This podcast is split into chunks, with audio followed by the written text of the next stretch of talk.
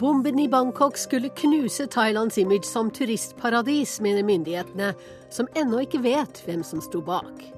Nyvalget i Tyrkia etter mislykkede koalisjonsforhandlinger. Tayyip Erdogan får en ny sjanse til å styrke sin presidentmakt. I kampen for fotfeste i Syria går IS til angrep på arkeologien og historieskrivingen, trolig med en dobbeltagenda. Dykkere i Florida jubler over funnet av en 300 år gammel gullskatt. Og i korrespondentbrevet skal vi til Kreta, der økt moms kanskje ikke slår ut like mye som en kunne tro. Vel møtt til Urix på lørdag. Jeg heter Wenche Eriksen. Vi følger også med på samtalene mellom høytstående representanter fra Nord- og Sør-Korea, som skal ha begynt nå klokka 11. Men aller først skal vi til Thailand, der politiet sier at de forsterker kontrollen, både i uniform og sivilt, for å berolige nervøse turister i Bangkok.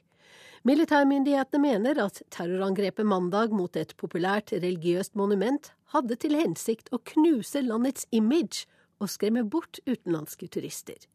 20 mennesker ble drept i bombeeksplosjonen. Anders Tvegård har sendt oss denne reportasjen fra den thailandske hovedstaden.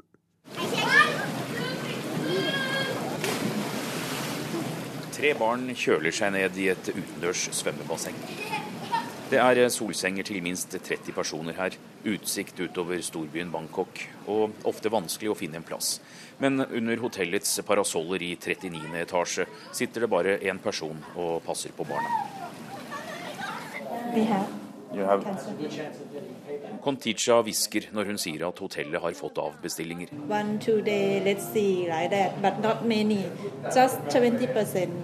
Hun jobber i reservasjonsavdelingen og bekrefter meldingene fra reisebyråene om at flere grupper nå avlyser turer til Bangkok. Ikke så mange, legger hun kjapt til.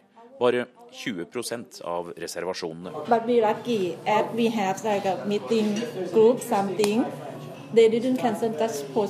Men vi er heldige, for seminarer og konferanser er ikke avbestilt, bare utsatt til senere en gang. Og så begynner hun å hviske igjen. Når hun sier at flere føler seg utrygge med en gjerningsmann eller flere på frifot. Dette er et av de femstjerners hotellene som ligger rett ved plassen der en bombe smalt i kveldsrushet mandag. En eksplosjon som sendte valutaen til det laveste nivået på seks år, og kaster skygger over den eneste inntektskilden som fortsatt skinner her i landet, den fra turistene.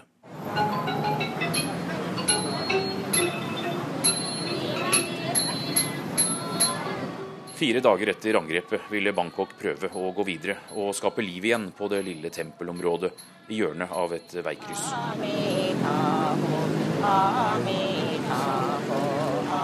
Troende fra de fem største religionene kom sammen for å be for ofrene og holde seremonier for at sjelen til dem som ble drept her, kommer til et fredfullt sted.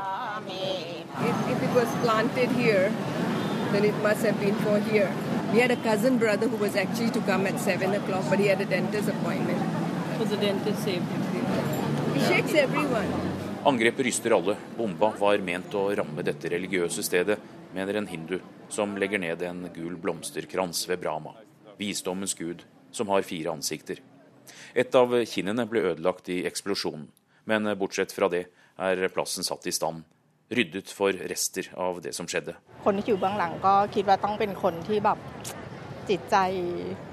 Det eneste jeg vet, er at de som står bak dette, er onde mennesker, sier Sununta. Alle vet at dette stedet binder hinduer og buddhister sammen, og er populært spesielt blant kinesiske turister, sier hun, før hun snur seg mot den gullbelagte statuen, presser håndflatene sammen og bøyer hodet i respekt. Sununta jobber i et kjøpesenter rett ved, og hadde ikke noe forhold til tempelområdet ved Bangkoks svar på Times Square før nå. Bortenfor helligdommen, på motsatt side av det travle veikrysset der overgrunnsbanene møtes, er det satt opp telt. Et eh, improvisert krisesenter der fire etater gir råd på flere språk om sikkerhet etter katastrofen, eller svarer på andre bekymringer folk måtte ha. Det er mange overvåkningskameraer her, som du ser, og alle divisjonene har økt beredskapen i byen, så jeg føler meg trygg på at det ikke skjer noe lignende igjen, sier Bangkoks turistdirektør Tuangporn Supsakorn. Da NRK møter henne, er det ingen som snakker med de tolv kunnskapspersonene under teltduken, men eh, turistdirektøren vil ha dem der noen dager til for eh, tilbudets skyld.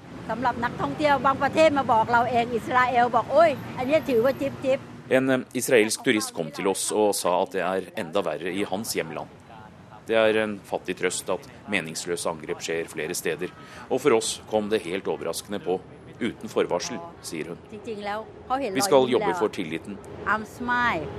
Jeg håper thaienes varme smil skaper trygghet hos turistene, sier Tuangporn Supsakorn.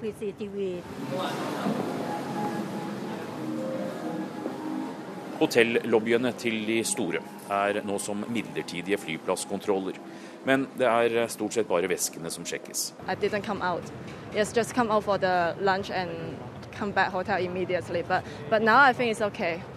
En turist fra Hongkong forteller at hun har oppholdt seg på hotellrommet de første dagene etter eksplosjonen, fordi hun følte seg utrygg. Konticha ved innsjekkingen eh, viser til eh, lapper om hvem man kan kontakte hvis man er urolig og har spørsmål. Jeg håper ikke du er redd, sier hun. Ja, bli her, sa hun til slutt. Og du er fortsatt i Bangkok, Anders Tvegård. Det er ja. fem dager siden angrepet, og det virker som om politiet står uten spor. Hva er uh, siste nytt om etterforskningen? Thailands politisjef sier at det gjøres mange framskritt i jakten på mannen som mistenkes eh, for å ha plassert bomba, som altså smalt utenfor et eh, tempel mandag. Mer konkret er han ikke, og det har kommet få opplysninger de siste dagene etter at Interpol ble bedt om hjelp, samtidig som internasjonal terrorisme ble tonet ned det har vært flere motstridende meldinger fra offisielt hold, og det siste døgnet så har de også tredoblet belønningen for opplysninger som fører til at det verste angrepet her i landet oppklares. Så det eneste som kan sies med sikkerhet, er at politiet holder kortene tett i brystet. Ingen er arrestert for medvirkning, til tross for at militærregjeringen hevder et nettverk står bak. Og motivet er helt i det blå, selv om juntaen mener angrepet hadde som mål å skade Thailands omdømme og økonomi. Men hva er hovedteoriene de fortsatt jobber med da? Ja, Det er det minst seks teorier. Alt fra økende politiske konfrontasjoner her i Thailand, til at krefter utenfra har eh, tatt sin kamp til gatene i Bangkok. Rødskjortene, eh, opposisjonen, har vært i søkelyset fordi de tidligere har advart mot borgerkrig etter at deres statsminister ble avsatt. De militante muslimene sør i landet som vil løsrive seg, er nevnt. Men eh, angrepet i Bangkok ligner ikke på noen av metodene som tidligere er brukt her. Det som gjentas kanskje oftest, er utvisningen av den kinesiske minoriteten uigurene forrige måned. At eh, dette altså kan være en hevnaksjon. Men eh, militærregjeringen er forsiktig med å uttale seg, spesielt i saker der Kina kan være involvert.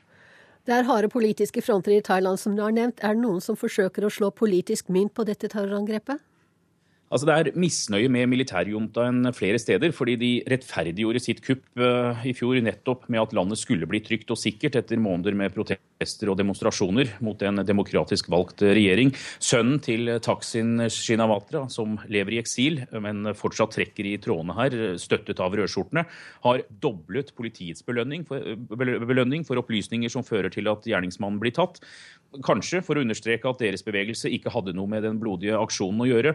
De to store blokkene er uenige om det meste her i Thailand, bortsett fra at turisme er noe landet er avhengig av. Da sier vi takk til deg fra Bangkok, Anders Tvegård.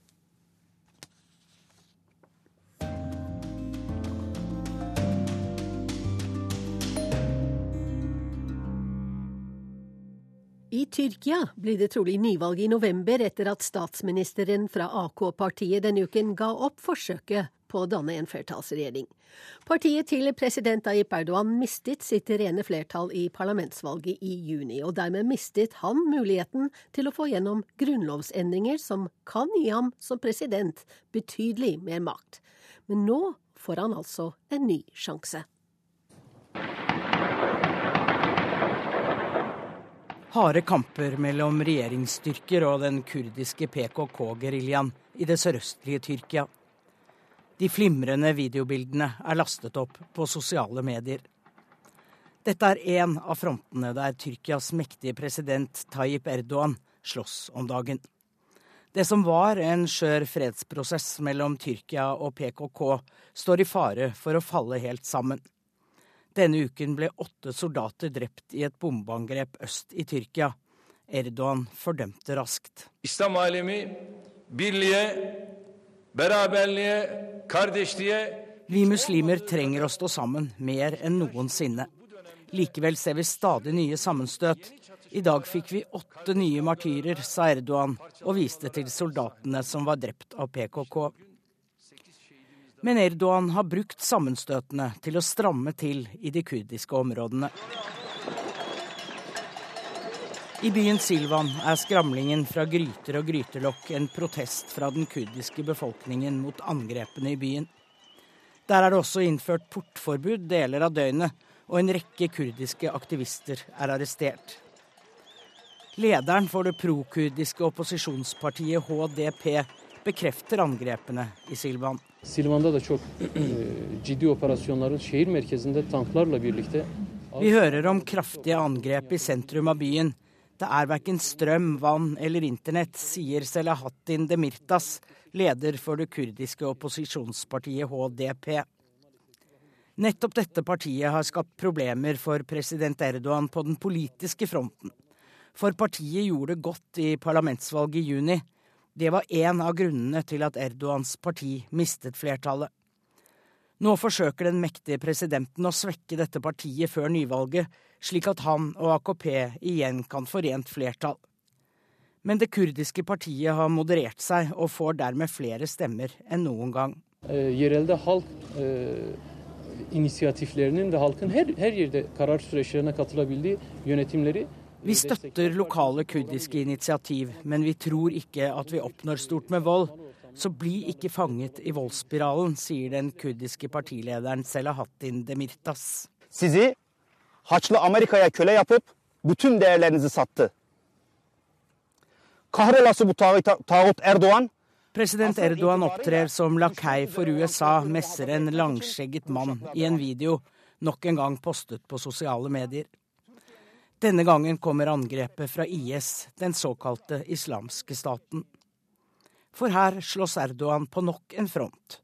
Tidligere i sommer hev han seg med i den USA-ledede offensiven mot IS. Noen hevder han bare gjorde det for å få større armslag i kampen mot kurderne. Vi slåss mot terrorister på to fronter, sier Erdogan, men blir allerede kritisert for å være langt mer aktiv i kampen mot kurderne enn han er i den USA-ledede koalisjonen mot IS. Blitsregn mot to menn for noen dager siden. Statsminister Ahmed Davutoglu møter enda en opposisjonsleder. Det siste forsøket på å få i stand en flertallsregjering etter parlamentsvalget i juni, det gikk dårlig.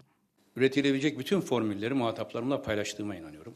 Bugün dört formül üzerine konuştuk. Jeg har virkelig prøvd alt. Bare i dag har det ligget fire forskjellige muligheter på bordet. Og vi får ikke dannet noen flertallsregjering, sier statsminister Davutoglu. Og nå blir det altså nyvalg 1.11. Det er det president Erdogan ønsker aller mest. For han håper at partiet hans igjen får rent flertall. Et flertall han kan bruke til å styrke presidentens makt. Dvs. Si å styrke seg selv. Reporter i denne saken var Anette Groth. Til Tyrkias naboland nå, i kampen for fotfeste i Syria, tyr de ekstreme islamistene i IS stadig til oppsiktsvekkende midler. Nå går de tilsynelatende til angrep på arkeologien og historieskrivingen, men trolig med dobbel agenda.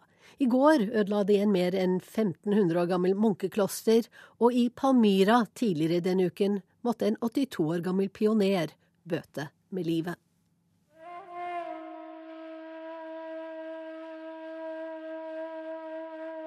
På toppen av Borga over Palmyra en stille vårdag for få år siden så jeg sola stå opp i ørkenlandskapet. Det rødgylne lyset spela over den gamle karavanevegen fra Eufrat til Middelhavet, og synte spor etter kulturer 4000 år tilbake. Den siste Irak-krigen var nylig over, og nabolandet Syria var ennå tilsynelatende skadefritt. De mest iøynefallende ruinene sto der som før.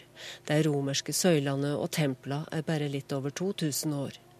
De har stått der og steila mot sand og vind og regimeskifte, klanfeider, og hittil heva seg over de ulike religiøse samfunna som finnes i Syria. I dette landet som også har borga de aller første kristne samfunna, har en diktator som Bashar al-Assad tatt vare på og verna om Palmyra og andre oldtidsminner. Den sekulære tyrannen seier seg å representere alle i Syrias rike historie. Og det var under diktatorene Hafez og Bashar al-Assad at arkeologen Khaled al-Assad fikk gjøre sitt viktige arbeid. Han lærte seg det lokale språket og bosatte seg her. Han ga datter si navnet Zenobia etter den sagnomsuste dronninga som regjerte i Palmyra for 1700 år siden og gjorde opprør mot Roma og erobra Egypt. Arkeologen Assad var med på å hente fram vakre kunstverk som sanden hadde dekka til. Han var en pioner i faget sitt i mer enn 50 år. Mannen med den lærde utsjånaen bak brillene hjalp stadig til med å identifisere tjuvgods på den illegale marknaden. Og han var en verdsett deltaker på internasjonale konferanser om kulturarv. Dette siste var med på å gi han dødsdommen. Den 82 år gamle mannen klarte ikke lenger å gå den korte veien bort til sine kjære søyler, men han kunne hver dag våkne opp til det elska synet, sola som fikk historia til å gløde. Hardkokte islamister med utspring i det postinvaderte Irak brydde han seg lite om. En dag henta islamistene IS han i en varebil, men heller ikke tre ukers fangenskap kunne få han til å samarbeide med IS. Han røpa ikke hvor de mest verdifulle gjenstandene er gjømte. Så tok de han til torget, uvanlig nok ikke i oransje fangedrakt, men i sin egen vestlige dress og med brillene på. Khaled al-Assad sto med rak rygg og tok imot klagepunkter, bl.a. at han var ansvarlig for å dyrke falske guder og representere Syria på konferanser med ugudelige, og at han hadde gjesta Shia-maktsenteret Iran. Alt sa man utålelig for sunni-ekstremistene i IS. Deretter ble kniven henta fram. Den mediebevisste IS-gruppa sørga for at bilder ble tatt. Brillene var fremdeles på da hovedet ble plassert mellom føttene til ei siste audmjuking. Handlinga har skapt sterke reaksjoner, og redsle. Men trolig har IS-gruppa en iskald plan i tillegg til å skape frykt. De trenger penger. Dette har arkeologene i Syria visst lenge. Den øverste sjefen for syriske antikviteter i Damaskus står midt i et hav av kasser som er henta til trygg lagring, og sier at 90 nå er på hemmelig plass.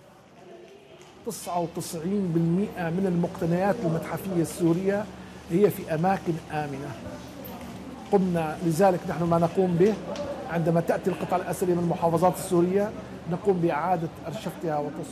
Mamoun Abdul Karim forteller at svartebørsen for stjålne kunstverk er vel så fristende for IS som de spektakulære aksjonene med å hakke Sund-statuer, slik de har gjort for å skaffe seg mediedekning. I virkeligheten har IS solgt mange gjenstander på den illegale marknaden. Men hva er det ellers IS, den islamske staten, vil oppnå med å holde og terrorisere oldtidsbyen Palmyra? Jeg ringer til en av mine gamle kjente i Syria og spør. Han kan ikke lenger framstå med navn, og gir ingen intervju. Men han er en av de få som har kontakter inn til IS. Hovedgrunnen til at IS har slått seg til i oldtidsbyen Palmyra, er ikke ideologisk, mener han. IS er en pragmatisk, maktsøkende organisasjon som tar alle virkemidler i bruk. Og Palmyra gir den hardkokte organisasjonen først og fremst militært vern. For hvem vil finne på å fjernbombe oldtidsminner? I alle fall ikke de vestlige maktene som ellers bomber IS-mål. De har jo sjøl betalt for å få fram verdensarven. Og i tillegg til å ha ordna seg en trygg militær base, trenger IS pengene verdifulle antikke gjenstander kan skaffe. Men de lykkes altså ikke i å få den pensjonerte arkeologen til å røpe gjøymestanden til de mest verdifulle gjenstandene da de torturerte han. Arkeologen som nekta å reise og som måtte bøte med livet. Han hadde et svar som kommer til å leve. Jeg er fra Palmyra, sa Khaled al-Assad. Og sjøl om de dreper meg, blir jeg her, i Palmyra.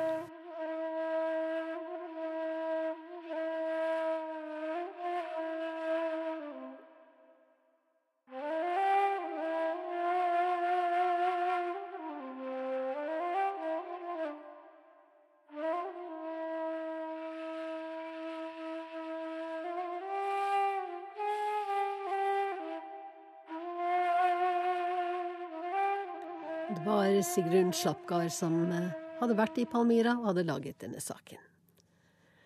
I det britiske arbeiderpartiet Labour hardner stadig kampen om ledervervet til. Beskyldninger om antisemittiske holdninger og falske medlemmer er bare noe av det som preger prosessen. London-korrespondent Espen Aas har fulgt den omstridte mannen som så langt ligger an til å vinne. This campaign is about hope.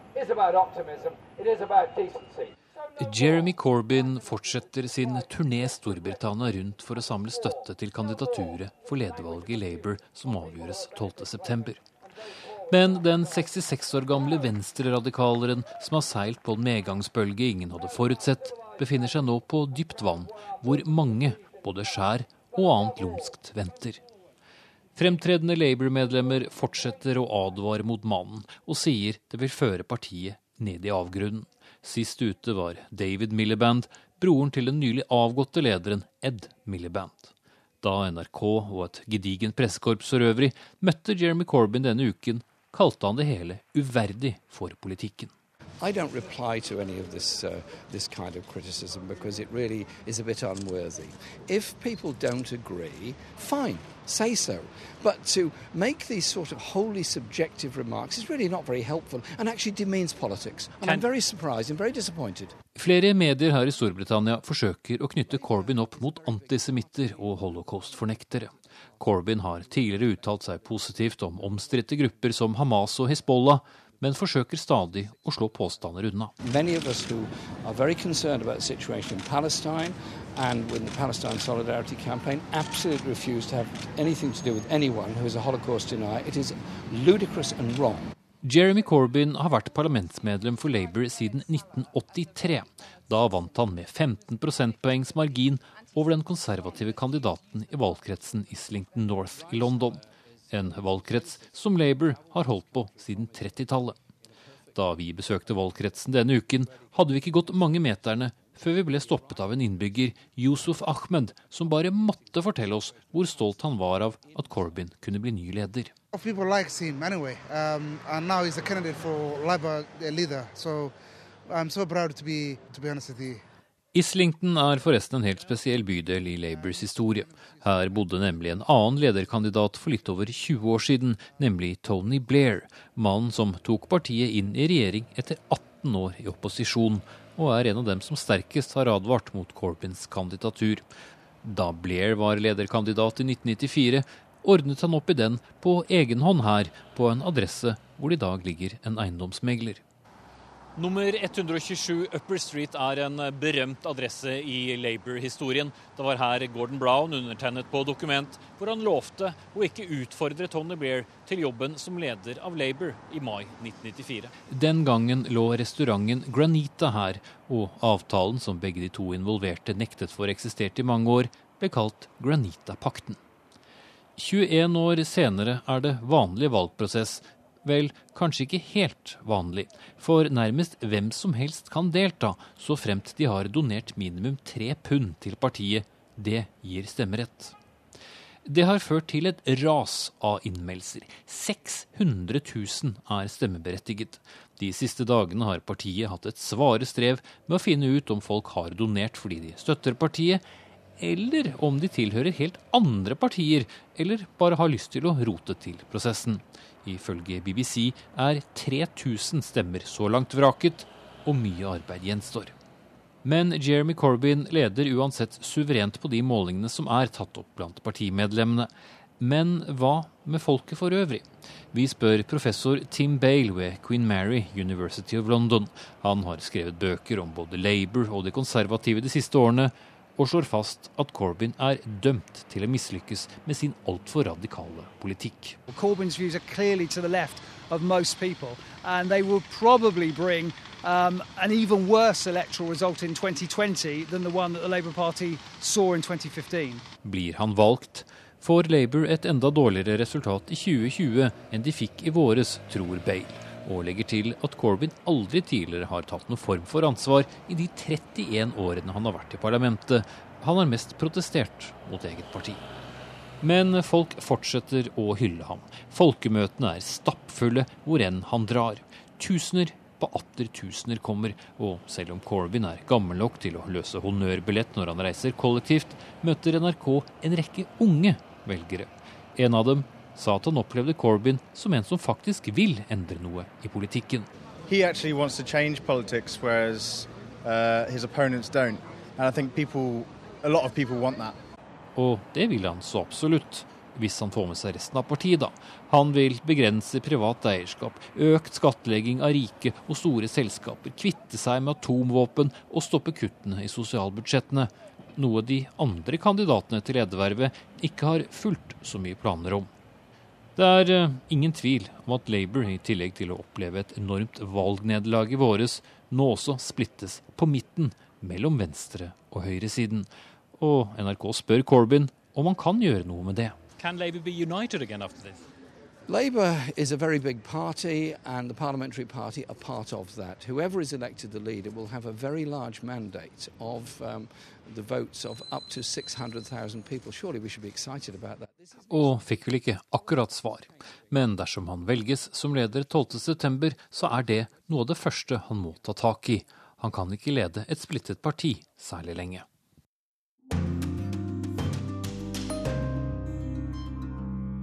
Du hører på Urix på lørdag i NRK P2 Alltid nyheter. Klokka er 11.30. Videre i denne sendingen skal vi til Kashmir, en meget kjent konflikt, og til Tsjad, en av de glemte krisene. Bli med til Florida, der en millionskatt kanskje ligger rett under svømmeføttene dine, og til Kreta i ukens korrespondentbrev. Men først til den spente situasjonen på Koreahalvøya, som ble trappet opp etter at de to koreastatene skjøt på hverandre med artilleri på torsdag. Nord-Korea truet i går med et militært angrep hvis ikke Sør-Korea slo av propagandahøyttalere langs våpenhvilelinjen innen klokka 10.30 dag norsk tid. Men så kom meldinger om et møte på høytstående nivå mellom de to land, og det møtet skulle begynne klokka 11. Tidligere Asia-korrespondent Kjersti Strømmen, hva er siste nytt? Det har ikke vært noe angrep, så sånn sett så ser det ut som om dette møtet kan erstatte et angrep. Um, vi vet at eh, Sannsynligvis så sitter de nå sammen, eh, høytstående representanter fra Nord-Korea og Sør-Korea. Eh, dette er folk som tas på alvor på begge sider. Det er eh, spesialister på sikkerhetssiden, og når det gjelder forholdet mellom Sør-Korea og Nord-Korea. Eh, da også gjenforeningsministeren fra Sør-Korea. Så det lover godt at eh, det er såpass viktige personer som tar del i dette møtet. Er det noe spesielt som har ligget bak denne siste opptrappingen, den siste av mange, da? Ja, For det første så er det jo den årlige felles militærøvelsen mellom USA og Sør-Korea som går av stabelen nå. Begynte på mandag. Det er alltid provoserende for Nord-Korea. Det andre er at tidligere denne måneden så eh, eksploderte det noen landminer og drepte to sørkoreanske soldater. Og det mener Sør-Korea er Nord-Koreas skyld, at de har planta disse landmine. Det nekter Nord-Korea for, men Sør-Korea krever at Nord-Korea tar ansvar, og satte derfor i gang disse propagandahøyttalerne, som jo har stått stille i elleve år. Eh, og da eh, skal Nord-Korea ha skutt artilleri på Sør-Korea for å få stanset disse propagandahøyttalerne, noe de sjøl nekter for. Men Sør-Korea svarte da med titalls eh, angrep av artilleri. Og da har jo altså Nord-Korea sagt at hvis ikke disse høyttalerne stanses, så vil Sør-Korea risikere militære angrep fra Nord-Korea. Hvor farlig er denne situasjonen egentlig nå?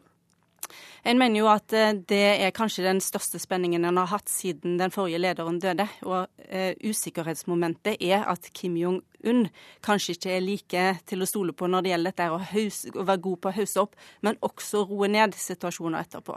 Så det er uh, ustabiliteten i det. Samtidig så mener observatører at en er nå så vant med at Nord-Korea gjør akkurat dette, at en truer, og så trekker en seg tilbake. Så en håper at dette møtet skal føre til at det ikke blir en utvikling i saken. Takk skal du ha, tidligere Asia-korrespondent Kjersti Strømmen. Sist helg feiret de to erkefiendene India og Pakistan sin felles 69. uavhengighetsdag hver for seg.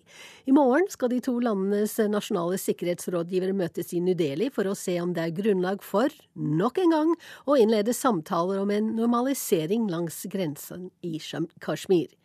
I mellomtiden har det vært daglige sammenstøt og trefninger med flere drepte i den omstridte regionen.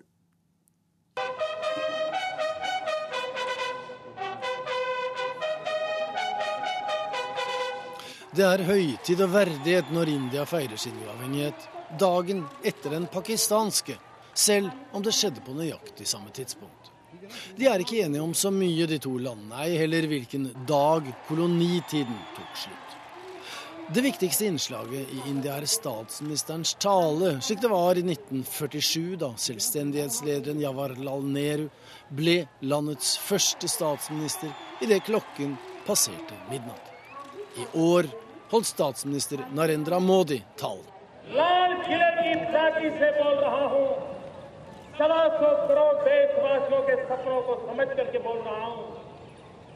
Modi er hindu-nasjonalist, og de 15 månedene han har vært statsminister, har frontene, bokstavelig talt mellom India og Pakistan, blitt skjerpet. Så godt som alle indere mener at Kashmir er indisk alle forsøk på og fremstøt fra Pakistan om det motsatte, altså at Kashmir burde blitt en del av Pakistan den gang ved frigjøringen i 1947, og bør bli det i dag, det samler inderne. Men Modi, med sitt politiske ståsted på den hindunasjonalistiske plattformen, han har indirekte gitt motstanderne ny energi. अभी हम राजौरी जा रहे हैं इधर खतरा इधर काल से ये शेलिंग शुरू हुई फायरिंग शुरू हुई और बमबारी शुरू हुई इस तरह कि हमें बहुत खतरा महसूस हुआ Folk i grensetraktene har den siste uken flyktet til tryggere deler av delstaten Jammu og Kashmir. De er redde, sier Mustak Ahmad til Reuters, mens han takker hæren som har hjulpet dem. Mange i Kashmir vil løsrive seg. De ser på India som en okkupasjonsmakt, og det er sjelden de hundretusenvis av indiske soldatene i Kashmir blir takket av lokalbefolkningen. Snarere tvert imot. De oppfattes lokalt som en særdeles sentral bidragsyter til problemet. De har utvidede fullmakter. De kan skyte, selv sivile, for å drepe på mistanke, og hva som er mistenkelig, definerer de selv. Når de to landenes sikkerhetspolitiske rådgivere i morgen etter planen skal møtes i den indiske hovedstaden New Delhi, så ønsker lokale representanter fra Kashmir å ha et ord med i laget. Det gjelder oss, sier Yasin Malik, en India-skeptiker som leder JKLF, Jammu og Kashmirs frigjøringsfront. Kashmiri people have every legal constitutional right to be a part of any kind of a negotiating process where Kashmir and decide Kashmir.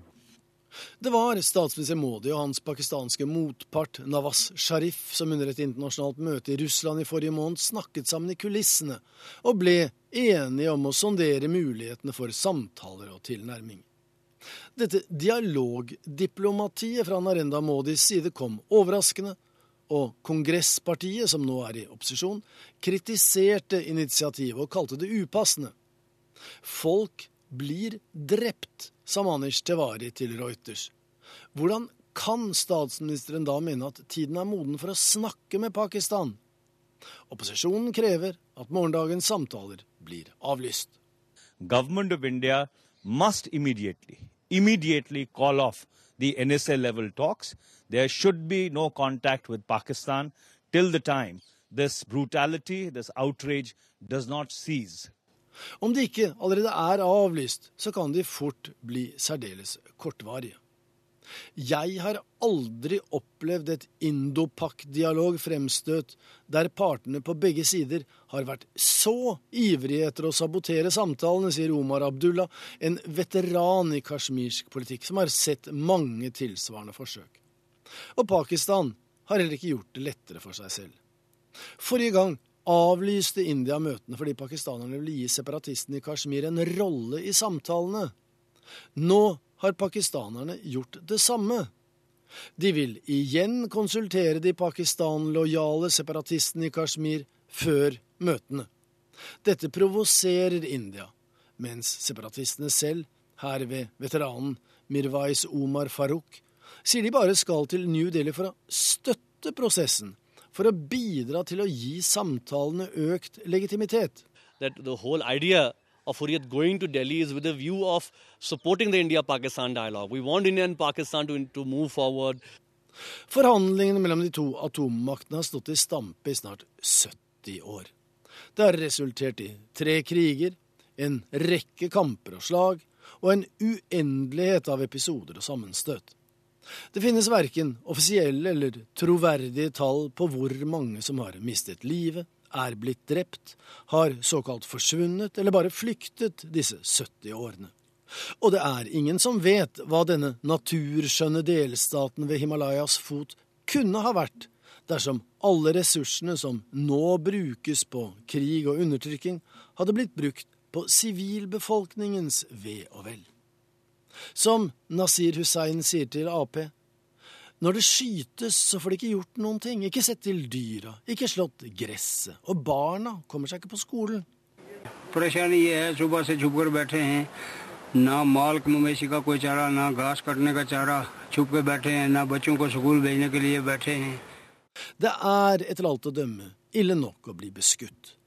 men minst like ille å leve i uvisshet om egen og etterkommeres fremtid.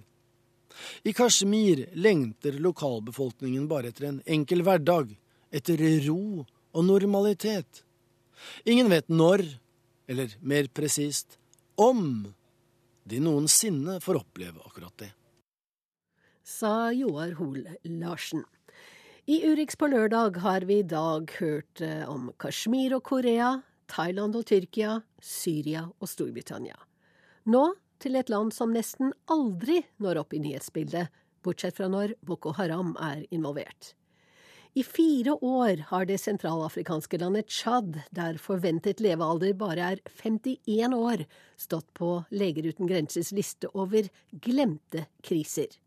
Humanitær rådgiver Trygve Thorsson jobber der, og har nettopp vært med på å åpne et ernæringsprosjekt. Sikkert flott, det, bortsett fra at det er fjerde gang på akkurat samme sted. Hva sier det om forholdene i Tsjad? Det sier jo dessverre ganske mye om forholdene i Tsjad. Det viser jo tydelig at det er en kronisk krise. Det er ikke noe som blusser opp en gang iblant, men det er en situasjon som vedvarer. Som har eh, ikke blitt bedre de siste årene, og som fortsatt er glemt. Så den store krisen er underernæring?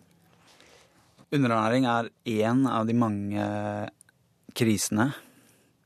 Men generelt er eh, helsetjenestene, mangelen på helsetjenester, er et av de største problemene. Vi Legger uten grenser snakker om eh, Når vi snakker om sesonger i, i Tsjad, så snakker vi ikke nødvendigvis om regntid og tørketid. Vi snakker om eh, malariasesong, meslingsesong, kolerasesong og underernæringssesong. Når fjorårets avling er brukt opp, og det er lenge til neste innhøstning, så ser vi høye nivåer av underernæring nesten hvert eneste år. Kan du fortelle litt om det du ser når du er ute på landsbygda? Vi ser små helsestasjoner som eh, ikke bare har mangel på kvalifisert helsepersonell, men som også har mangel på medisiner.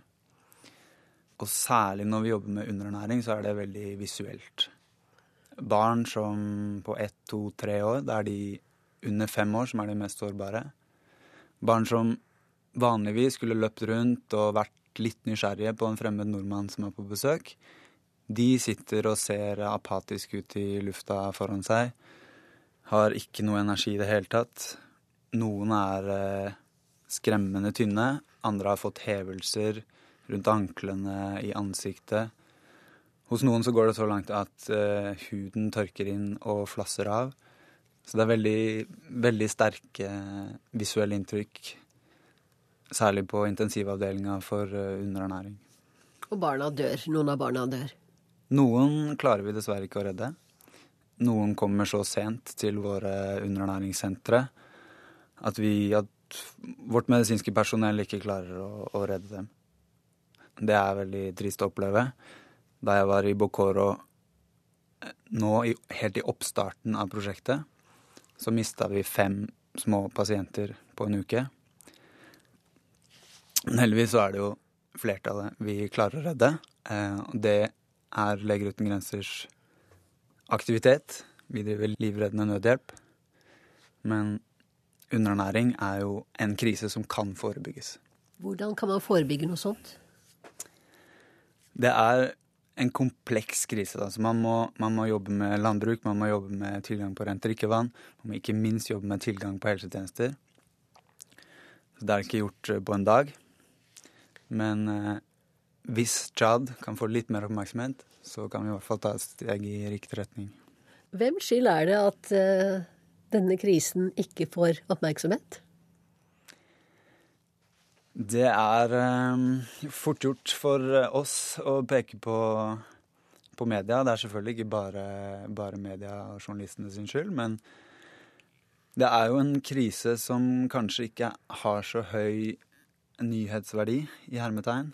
Det er en kronisk krise som eh, ikke har forandret seg så mye de siste, siste, årene, og mest sannsynlig ikke kommer til å forandre seg, dessverre, i årene som kommer heller. Det er ikke noen uh, fengende overskrifter eller gode, dramatiske historier. Det er uh, bilder vi har sett før og kommer til å se igjen. Men uh, det er jo desto viktigere at vi kan få høre de historiene.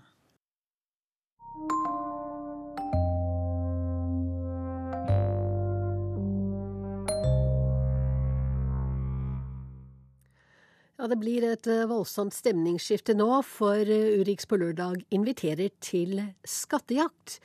For temmelig nøyaktig 300 år siden forliste en spansk flåte med elleve skip utenfor østkysten av Florida. Og nå i sommer har dykkere funnet gull- og sølvmynter verdt rundt 36 millioner kroner. Og det meste får de beholde selv, forteller USA-korrespondent Gro Holm. Slik høres jubel på innsiden av en dykkermaske ut. En blank, stor spansk kongelig gullmynt graves fram under et tynt lag av sand og skjell, knappe to meter under havoverflaten, rett utenfor Vero Beach i Florida. Well, these royals are, you know, perfect specimens of the coinage of the time, and they were made on royal order for the king of Spain. Disse kongelige myntene er perfekte eksempler på mynter fra den tiden, og de ble laget på bestilling fra kongen av Spania, og for det meste brukt som gaver, forteller Brent Brisbane, som eier dykkerfirmaet med det talende navnet 1715-flåten Dronningens juveler. Ni slike gavemynter ble nylig funnet sammen med mye annet, og bare de har en verdi på rundt 2,5 million kroner. It was just it was incredible. It's very surreal not only to have these incredible artifacts come up with their, you know, great value, but to have it actually happen on the 300th anniversary is Det var helt utrolig, veldig surrealistisk, ikke bare å se disse fantastiske, verdifulle gjenstandene komme opp av vannet, men at det skjedde på 300-årsdagen etter forliset, sier Brisbane. Dykkere har lett etter skattene fra de spanske skipene helt siden slutten av 1950-tallet, men ingen enkeltfunn har vært så verdifulle som dem gjort i sommer. Skipene forliste i en forferdelig orkan i slutten av juli 1715 på vei fra Cuba til Spania med gull, sølv, juveler og andre godsaker lastet om bord i Veracruz i Mexico og Cartagena i Colombia. Rundt 1000 mennesker omkom, men noen drev i land og kunne berette om katastrofen. Vind og havstrømmer hadde imidlertid sørget for å spre vrakrestene over et stort område. Spanskekongen leide indianere til å dykke etter den verdifulle lasten, men mye ble aldri funnet. Blant annet skal nye kronjuveler til dronningen fortsatt ligge på havets bunn. Since I've been doing this since 2010, we've got um etter at vi startet med dette i 2010, har vi hentet opp skatter verdt nær 6,5 million dollar, eller rundt 50 millioner kroner, forteller Brent Brisbane. Han overtok rettighetene til å drive vrakdykking i området etter sin far, og alle som vil prøve seg, må gå via hans firma. So when we find these artifacts, we have contractual obligations to the state of Florida, which entitles them to up to 20% of the artifacts that we recover. Når vi finner gjenstander, er vi kontraktsmessig forpliktet til å gi delstaten Florida 20% av funnene. Resten deler vi mellom meg og mannskapet på tre, sier Brisbane som av gode grunner har skattejakten som heldagsjobb. Andre skattejegere må finne seg i å gi halvparten av overskuddet til Brisbane etter at delstaten har fått sitt, men så sent som i juni fant en familie på tur mynter verdt åtte millioner kroner. Kanskje verdt å ta med seg dykkermaske og svømmeføtter neste gang jeg besøker Florida. I ukens korrespondentbrev skal vi til Hellas. På Kreta og de andre øyene har de nå mistet den gunstige momsordningen de hadde før. Men det er ikke så sikkert det kommer til å merkes på prisene, forteller Åse Marit Befring. Utenfor bilvinduet passerer vi lange, hvite sandstrender og små tavernaer der turister begjærlig tar for seg av den greske gjestfriheten. Bølgene slår hissig inn mot land. Det røde flagget er heist for å advare mot farlige understrømmer. Mange trosser frykten for naturkreftene og bader likevel. Gradestokken viser over 30 grader. Inne i drosjen nærmer temperaturen seg kokepunktet, til tross for at luftkjølingsanlegget går for fullt. Nå har de fått oss akkurat dit de ville. Billig arbeidskraft, og landet er lagt ut for salg. Det er bare å begynne å kjøpe. Drosjesjåføren snakker fort og høyrøstet, og lar seg ikke avbryte av irriterende spørsmål. Sipras burde gått hele veien, sier han om den greske statsminister Alexis Sipras, som trakk seg for to dager siden. Han som fikk det vanskelige valget mellom å si ja til tøffe krav fra kreditorene, eller å risikere å lede Hellas ut av eurosonen. Vi var med ham, vi sa nei i folkeavstemningen, vi hadde vært med ham hele veien ut av euroen, sier han oppgitt. Det er august, familien ferierer på den sagnomsuste øya Kreta, som ligger så strategisk til mellom tre kontinenter. Vi vandrer i smug og gater der butikker tilbyr keramikk, sko og lærbelter, eller vesker merket Versage og Mulberry made in China. Vi spiser moussaka og souvlaki, drikker bordvin og sterk gresk kaffe, og besøker borger eller tempelruiner som vitner om en svunnet storhetstid. Det var her Europas sivilisasjon så dagens lys for 4500 år siden. Kretere handlet gull og elfenben med egyptere, safran med grekere og tinn med spanjoler. De utviklet et skriftspråk lenge før noen andre, og hadde stor politisk og økonomisk innflytelse i middelhavsregionen. Inntil en naturkatastrofe la alt til grus, og grekerne invaderte øya. Kreta har også en sentral plass i gresk mytologi. Den viktigste guden Sevs skal ha blitt født i en hule her. Han var gift med Hera, som var både sjalu og hevngjerrig, spesielt mot Sevs mange elskerinner.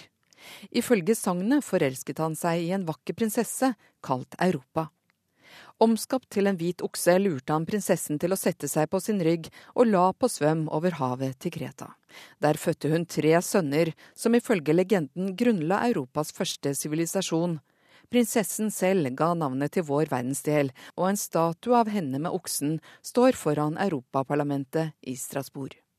Nå frykter kretere at de igjen skal bli lagt i ruiner, ikke pga. et jordskjelv, men fordi de må betale mer skatt. Så langt har vi vært heldige, sier drosjesjåføren. Gjennom krisen har Kreta blitt holdt flytende av turismen og olivenoljen. Men også her har arbeidsledigheten skutt i været og folk mistet levebrødet. Mange ser ingen annen løsning enn å velge å forlate livet på dramatisk vis. Det skjedde senest i forrige uke, i nabolandsbyen Episkopi, forteller sjåføren. En 55 år gammel mann gikk i kirken om morgenen, der ba han til høyere makter, før han gikk hjem og skjøt seg. Mannen var ikke blitt bønnhørt, han hadde gått konkurs. Stoltheten var såret, tryggheten for ham og familien borte, skammen ble for tung å bære. 23 000 mennesker har tatt livet av seg i Hellas fordi de har mistet alt. Ikke én, to eller fem, 23 000! Hvorfor snakker de ikke om alle som tar selvmord grunnet krisen, spør sjåføren og slår ut med begge armene, men griper rattet tidsnok til å komme seg gjennom en krappsving. Veien fremover blir alt annet enn enkel for grekerne, og øyfolket risikerer å betale den høyeste prisen. Inntil i forrige måned hadde de lav moms på varer og tjenester. Ikke like bra ordning som på Svalbard, der de slipper unna all moms, men bedre enn på fastlandet i Hellas. Etter at avtalen med kreditorene ble dratt i land, får de ikke lenger beholde spesialordningen. Det som gjør kretere nervøse, er at momsen øker der det svir mest, nemlig for restauranter og hoteller. Momsen er nærmest doblet. I forrige måned var den på 13% nå er den 23 i hvert fall på papiret. Foreløpig har det ikke blitt dyrere å spise ute på Kreta, ifølge lokalbefolkningen. Heller ikke på de restaurantene som gir deg en kvittering der det står 23 Noen mener at det skyldes at restauranteierne ikke tør sette opp prisen fordi de frykter at turister skal velge andre og billigere reisemål, som Tyrkia. Andre tror årsaken ligger et helt annet sted. Som en restauranteier sa, de sier at jeg skal doble momsen, men doble av hva? Jeg har jo aldri betalt moms. Ukulturen blir ikke borte med et pennestrøk, selv om nasjonalforsamlingen vedtar økonomiske reformer. Det er ingen hemmelighet at greske myndigheter har store utfordringer når det gjelder å inndrive skatter og avgifter. OECD har rangert Hellas som ett av landene som er dårligst til å få inn moms og folketrygdavgifter. Skatteunndragelse har blitt beskrevet av greske politikere som en nasjonalsport, der opp mot 300 milliarder kroner forsvinner i det sorte hullet hvert år. Det er så innarbeidet at ingen ler på øyelokket over å få to priser på en vare eller tjeneste. Du får én pris dersom du betaler kontant, og en annen og litt høyere dersom du vil ha det hvitt. Trenger du bypass-operasjon her på Kreta, får du 500 euro avslag hvis du betaler kontant, sier Brian Turner på bred Yorkshire-dialekt. Han og kona flyttet fra Leeds til Kreta for seks år siden. De solgte huset, satte pengene på bok og lever godt på rekordhøy kurs på pundet. Ute i hagen holder de høner slik at de kan få ferske egg. De selger også egg, og gir alle inntektene til en god sak. I fjor ga de 300 euro til den lokale skolen. Men jeg vet jo ikke om lærerne tok seg en fuktig kveld ute på byen, eller om pengene gikk til barna, sier Brian sarkastisk. Kretere vil helst at du betaler svart, er hans erfaring. Alt fra konsultasjoner hos legen til blodprøver og andre tester blir billigere for pasienten da. Han syns det har vært enkelt å tilpasse seg den greske kulturen. Men nå har myndighetene fått kniven på strupen for å rydde opp. Kreditorene krever politijakt på skattesnytere og mer effektiv inndrivelse av avgiftene. Skjer ikke det, så får ikke Hellas de over 8 milliarder euroene de er lovet de neste to årene. Det gjelder derfor for greske myndigheter å vise at de gjør en innsats for å få flere skattekroner inn. Skatteinspektørene har gjennomført flere aksjoner siden avtalen ble undertegnet i juli. I forrige uke var de på øyene Rådos og Santorini på uanmeldte besøk. Og for et par uker siden rykket de ut til Kreta og til et av de mest besøkte arkeologiske utgravningsstedene i landet. Turistene klagde. De fikk ikke kvittering når de kjøpte suvenirer ved tempelruinene i Knossos. Inspektørene trengte ikke grave dypt for å finne brudd på skattereglene. Innenfor døren i suvenirbutikken sto kassaapparatet åpent, Dermed ble ikke salg av varer registrert. I løpet av bare én dag ved det verdensberømte arkeologiske utgravingsstedet noterte inspektørene ikke mindre enn 534 brudd på skattereglene. Kanskje burde de som styrer driften av kulturarven, ha lært av sine forfedre. Blant annet har arkeologene gravd frem flere tusen skrifttavler fra ruinene, som forteller at handelsmenn førte regnskap allerede for 4000 år siden. Kretere har blitt herdet gjennom årtusener med undertrykking, krig og uro, naturkatastrofer, slaveri og pirateri. Lista er lang. Men de er et stolt folk som ikke vil underkaste seg overmakten, det har historien også vist. De er ikke ukjente med tung skattlegging heller. Under Venetias 450 år lange herredømme på øya i middelalderen ble de ilagt så høye avgifter at de var dømt til et liv i fattigdom. Men kretere gjorde opprør, igjen og igjen. Herrefolket svarte med å brenne landsbyer, torturere, henrette og massakrere innbyggere. Det ble ikke særlig bedre da de tyrkiske osmanerne tok kontroll over øya, men kretere ga seg aldri, og fikk til slutt sin frihet for litt over 100 år siden. Få år etterpå gikk de i union med Hellas. Men folket på fastlandet har de ikke mye sansen for etter flere års økonomisk krise. De gidder ikke jobbe, mener drosjesjåføren, og legger til at atenere ikke bryr seg om hvordan politikere styrer landet, bare de får noe igjen selv. Denne uka fikk han også bekreftet sine verste antagelser. Et tysk selskap sikret seg driften av greske flyplasser i 40 år fremover, bl.a. på Kreta. Vel fremme betaler vi drosjesjåføren de 30 euroene han forlanger for turen, uten å få noen kvittering tilbake.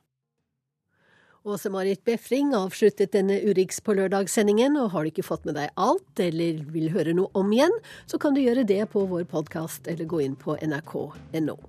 Teknisk ansvarlig har vært Guri Finnsveen, produsent Marit Zengmen Nedrelid. Her i studio satt Wenche Eriksen. Takk for nå.